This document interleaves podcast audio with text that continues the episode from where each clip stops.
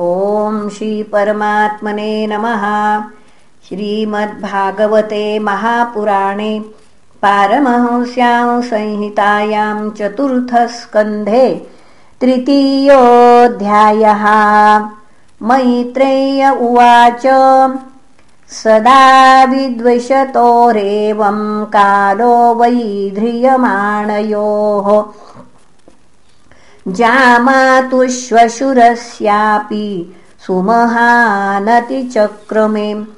यदाभिषिक्तो दक्षस्तु ब्रह्मणा परमेष्ठिना प्रजापतीनां सर्वेषामाधिपत्ये स्मयोऽभवत् इष्ट्वा स वाजपेयेन ब्रह्मिष्ठानभिभूय च बृहस्पतिसवं नाम समारेभे क्रतूत्तमम् तस्मिन् ब्रह्मर्षयः सर्वे देवर्षि पितृदेवताः आसन्कृतस्वस्त्ययनास्तत्पत्न्यश्च सभर्तृकाः।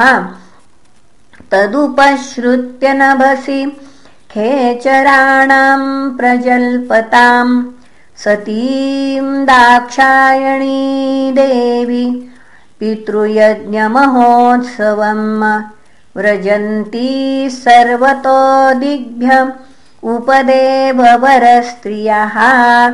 विमानयाना सप्रेष्ठा निष्ककण्ठी सुवाससः दृष्ट्वा स्वनिलयाभ्यासे लोलाक्षिर्मृष्टकुण्डलाः। पतिं भूतपतिं देव मौत्सुक्यादभ्यभाषत। सत्युवाच प्रजापतेस्ते श्वशुरस्य साम्प्रतम् निर्यापितो यज्ञमहोत्सवः किल वयञ्च तत्राभिसराम वामते यद्यर्थितामी विबुधा व्रजन्तिः। तस्मिन् भगिन्यो मम भर्तृभिः स्वकैर्ध्रुवम् गमिष्यन्ति सुहृद्दिदृक्षवः अहञ्च तस्मिन् भवताभिकामये सहोपनीतं परिबर्हं मर्हितुम्। तत्र स्वसुरुमे ननु भर्तु संमिता। मातृश्वश्रुः क्लिन्नधियञ्च मातरम्। द्रक्षे चिरोत्कण्ठमनामहर्षिभिरुन्नीय मानञ्च मृडाध्वरध्वजम्। त्वयैतदाश्चर्यमजात्ममायया विनिर्मितं भाति गुणत्रयात्मकम्। तथाप्यहं मे पुनः। तथाप्यहं योषिदतत्त्वविच्यते दीनादिदृक्षे भव मे भवक्षितिम् पश्य प्रयान्तिरभवान्ययोषितोऽप्यरङ्कृता कान्तसखावरूथशः। यासां रजद्भिः शितिकण्ठमण्डितं नभो विमानैकलहंसपाण्डुभिः। कथं सुतायाः पितृगेहकौतुकम् निशम्यदेह सुरवर्यनेङ्गते अनाहुता अप्यभियन्ति सौहृदम् भर्तुर्गुरोर्देहकृतश्च केतनम् तन्मे प्रसीदेद ममर्त्य वाञ्छितम् कर्तुम् भवान् कारुणिकोऽवतार्हति त्वयात्मनोर्धेहमदभ्रचक्षुषा निरूपितामानुगृहाण याचितः। ऋषिरुवाच एवं गित्रः प्रिययाभिभाषितः। प्रत्यभ्यदत्तः प्रहसन् सुहृत्प्रियः संस्मारितो मर्मभिदः कुवागिषून् यानाहको विश्वसृजां समक्षतः। श्रीभगवानुवाच। त्वयोदितं शोभनमेव शोभने अनाहुता अप्यभियन्ति बन्धुषु।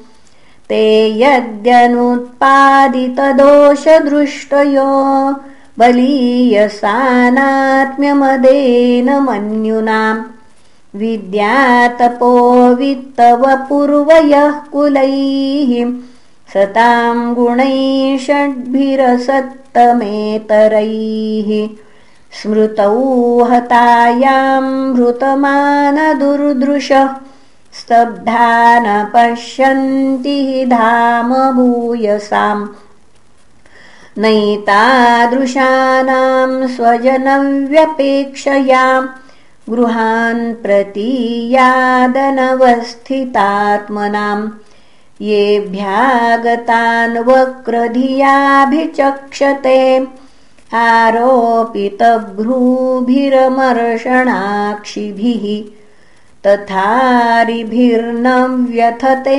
शिरीमुखैः चेतेर्दिताङ्गो हृदयेन दूयता स्वानां यथा वक्रधियां दुरुक्तिभिर्दिवानिशं तप्यति मर्मताडितः। व्यक्तं त्वमृत्कृष्टगते प्रजापतेः। प्रियात्मजानामसि शुभ्रुसम्मताम् अथापि मानं न पितुः प्रपत्स्यसे मदाश्रयात् कः परितप्यते यतः। पापच्यमानेन हृदातुरेन्द्रियः समृद्धिभिः पूरुषबुद्धिसाक्षिणाम्। अकल्प एषामधिरोढुमञ्जसा। पदं परं द्वेष्टि यथा सुराहरिम्। प्रत्युद्गमश्प्रश्रयणाभिवादनम् विधीयते साधुमिथ सुमध्यमे प्राज्ञैः परस्मै पुरुषाय चेतसाम् गुहाशयायैव न देहमानिने। सत्त्वं विशुद्धं वसुदेवशब्दितम् यदीयते तत्र पुमानपावृतः सत्त्वे च तस्मिन् भगवान् वासुदेवो यथोक्षजो मे नमसा विधीयते। तत्ते निरीक्षो न पितापि देहकृद्। दक्षो मम द्वित् तदनुव्रताश्च ये यो विश्वसृग्यज्ञगतं वरोरुमामनागसम् दुर्वचसा करोत्तिरहाम्। यदि व्रजिष्यस्यति भायमद्वचो भद्रं भवत्या न ततो भविष्यति। सम्भावितस्य स्वजनात् पराभवो यदा स सद्यो मरणाय कल्पते। इति श्रीमद्भागवते महापुराणे पारमहंस्यां संहितायां चतुर्थस्कन्धे उमारुद्रसंवादे तृतीयोऽध्यायः। श्रीकृष्णार्पणमस्तु। हरये नमः हरये नमः हरये नमः